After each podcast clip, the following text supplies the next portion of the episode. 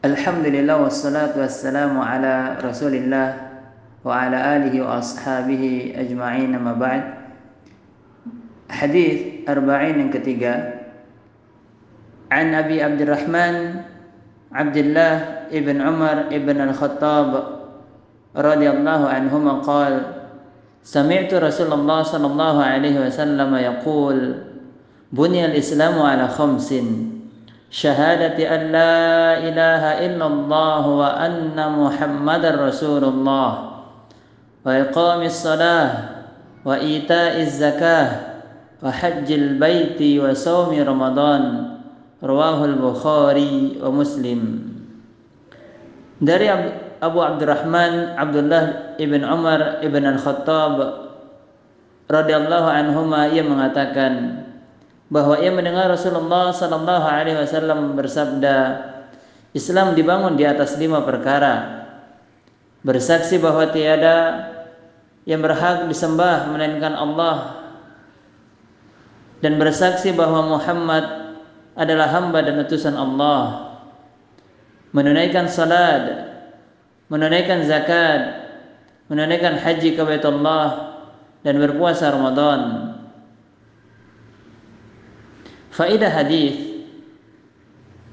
yang pertama adalah Islam diibaratkan oleh Rasulullah sallallahu alaihi wasallam sebagai sebuah bangunan yang dapat berdiri kokoh jika terbangun di atas lima tiang pokok atau utama. Faedah yang kedua, syahadat la ilaha illallah berarti bersaksi dan mengakui dengan lisan dan hati bahwa tidak ada sesembahan yang berhak disembah dengan baik dan sempurna melainkan Allah Subhanahu wa taala. Syahadat merupakan kunci masuk Islam dan meraih kenikmatan yang hakiki yaitu surga Allah di akhirat kelak. Menegakkan salat yang dimaksud adalah mengerjakan salat dengan memenuhi rukun serta syarat sah salat sesuai dengan tuntunan sunnah Rasulullah sallallahu alaihi wasallam. Menunaikan zakat artinya mengeluarkan dan memberikannya pada yang berhak menerima tatkala telah terpenuhi nisab yaitu takarannya dan haul yaitu waktu yang sudah masuk dalam setahun.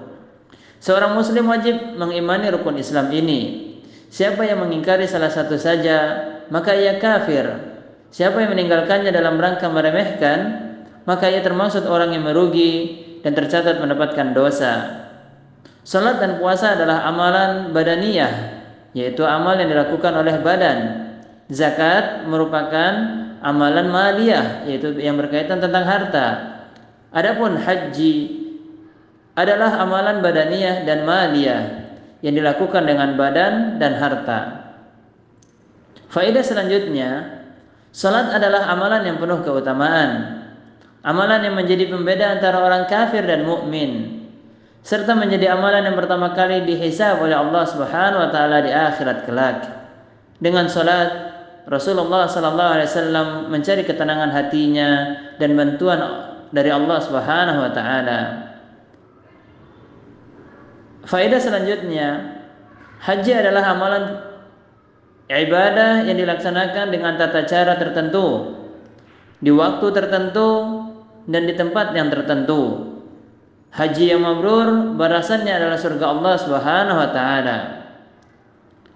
Faedah selanjutnya, puasa bukan hanya ibadah menahan diri dari makan dan minum.